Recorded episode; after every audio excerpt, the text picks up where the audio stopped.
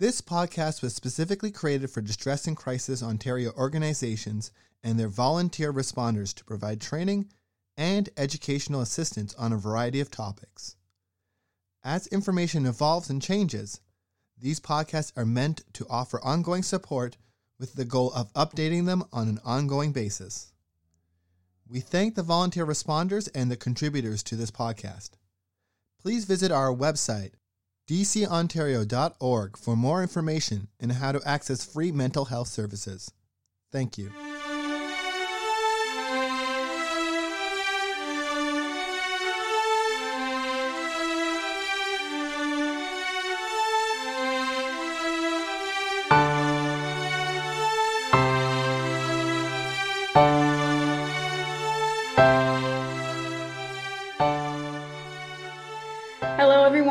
Welcome back to another DCO Discourse podcast. My name is Katelyn Doyle, and I am the Communications and Marketing Manager here at DCO.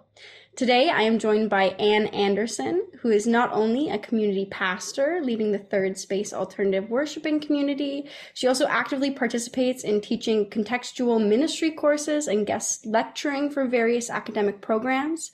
She's also a candidate in Luther University's PhD in Human Relationships program with a specialization in pastoral leadership. So we're in great hands today for talking about food security and holiday preparedness for post-secondary students. According to Food for Hawks, a Wilfrid Laurier research study, the limited existing research that has been conducted on the issue has shown that rates of food, food insecurity among post secondary students are as high as triple the national average, ranging from 28.3% to 46%, depending on the institution and, of course, their measurement instruments. The Ontario government is allotting an additional $5 million this year in the Student Nutrition Program and the First Nations Student Nutrition Program, which will provide more than 600,000 school aged children with healthy meals and snacks throughout the year. This initiative aims to make sure that students are well nourished and ready to learn. But what does this look like for post secondary students? What happens when schools break for the holidays, after graduation? What does food security look like then? And how can we support our communities? So, we're back with some more questions for you, Anne. I'm curious outside of some of the programs that the school provides, how do you think we can create communities beyond those food and nutrition programs? You know, creating safe spaces say in the grocery store or um, at work you know a lot of these students have part-time jobs. How can we as a community support each other outside of those programs? Yeah i think it's how we treat each other in in the wider community right? Having those uh look each other in the eye moments. Um i heard somebody say the other day if i'm 10 feet within somebody, I'm going to look at them in the eye and smile and say hello or something general mm-hmm. uh, and hold their gaze for a bit. Um, just treating each other with respect. Um, we don't know each other's stories. Um, so I think that's a piece of the puzzle that, that uh, can help provide uh, deep connection. Right. But also being open, being open to listening to what people's needs are. We didn't ever imagine we would be running distro at a Luther four years ago. I, that would have been a surprise to me. Um, but now it's just part of everyday life here. So I think being open to the possibilities wherever you are, whether it's a grocery store or a community center or a church or a mosque or a temple, where wherever you find yourself, uh, being open to what what's happening with your people. Wonderful. Mm-hmm. And so, food security obviously plays a huge role in mental health as mm-hmm. well. It really affects mental health. Can you talk more to that degree about the relationship between the two? Yeah, um, I think what what prompted us to start talking about distro in the first place is uh, we have the Glebe Center, which is a counseling agency that's uh, supported and connected to the school, and students were coming in and expressing the fact that they were experiencing uh, mental health issues. And part of their story was that financially things were really tight and they couldn't provide uh, themselves with the proper nutrition that they needed. They were struggling to find food.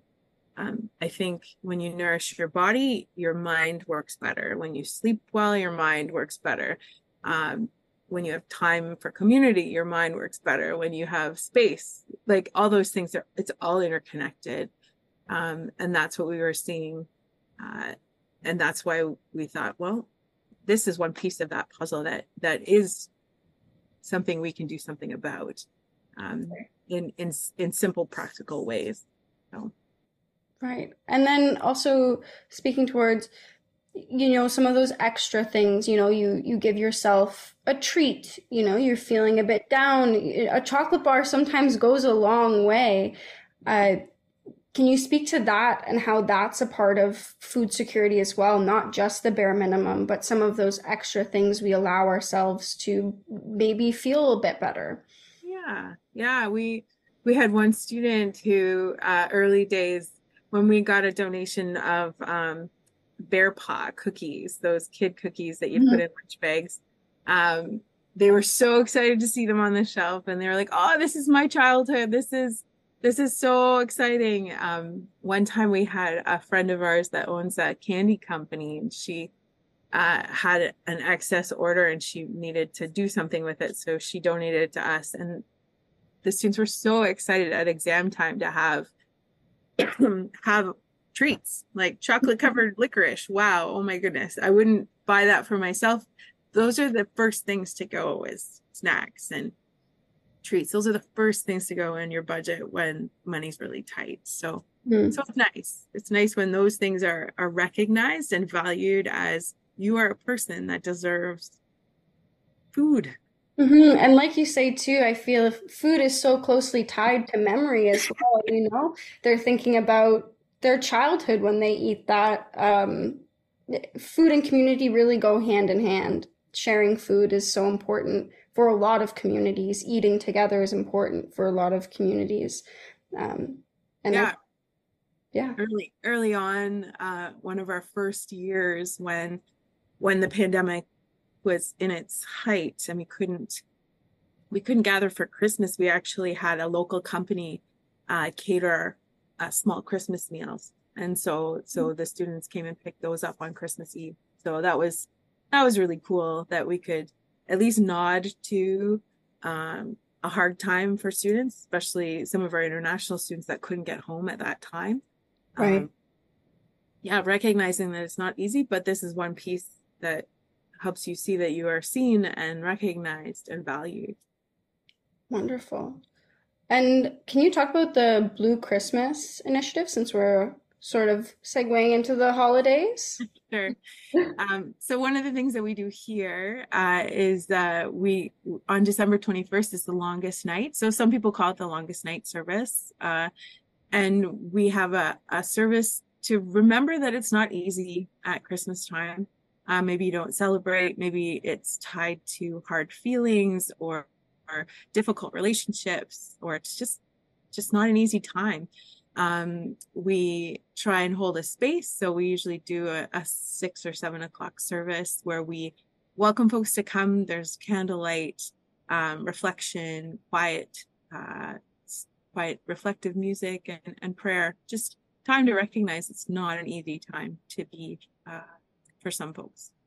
Wonderful. And is that open for anyone in the community? Definitely. Yeah. Yeah. So the information will be up on the on the Luther website, um, luther.wlu.ca. Wonderful. Mm-hmm. And do you see any?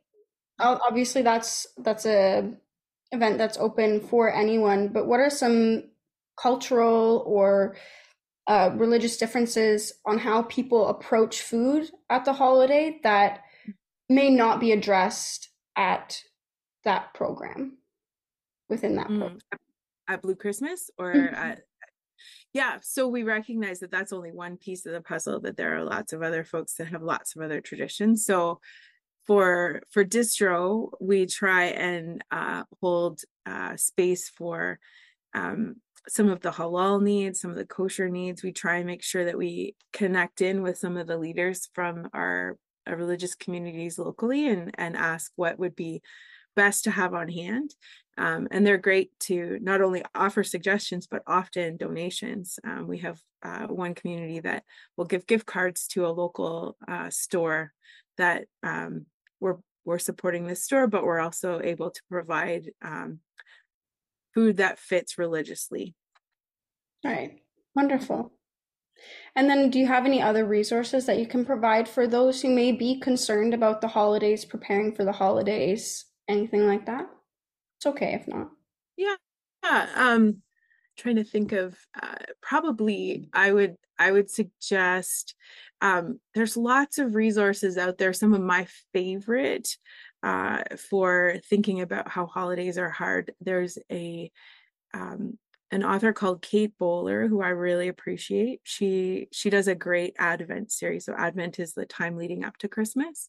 Mm-hmm. And she talks about the realities of life and how it's not always easy. So I would I would suggest uh, heading heading her way. Salt Project is another uh, website that I really like uh, for resources. Um, and one that our community third space is doing is called advent conspiracy and so we're talking about how do we how do we take ourselves out of the the rat race and the rush of christmas mm-hmm. and just think about what we're preparing for and and being more deliberate about that rather than the buy buy buy and more more more Absolutely. I think so many of us get stuck in that consumerism culture, especially right around the holidays. We'll leave it at that for this week's podcast, but I've got more questions for Anne coming up next week, so I hope that whoever's listening will tune in again to learn more from the wonderful Anne Anderson. Thank you.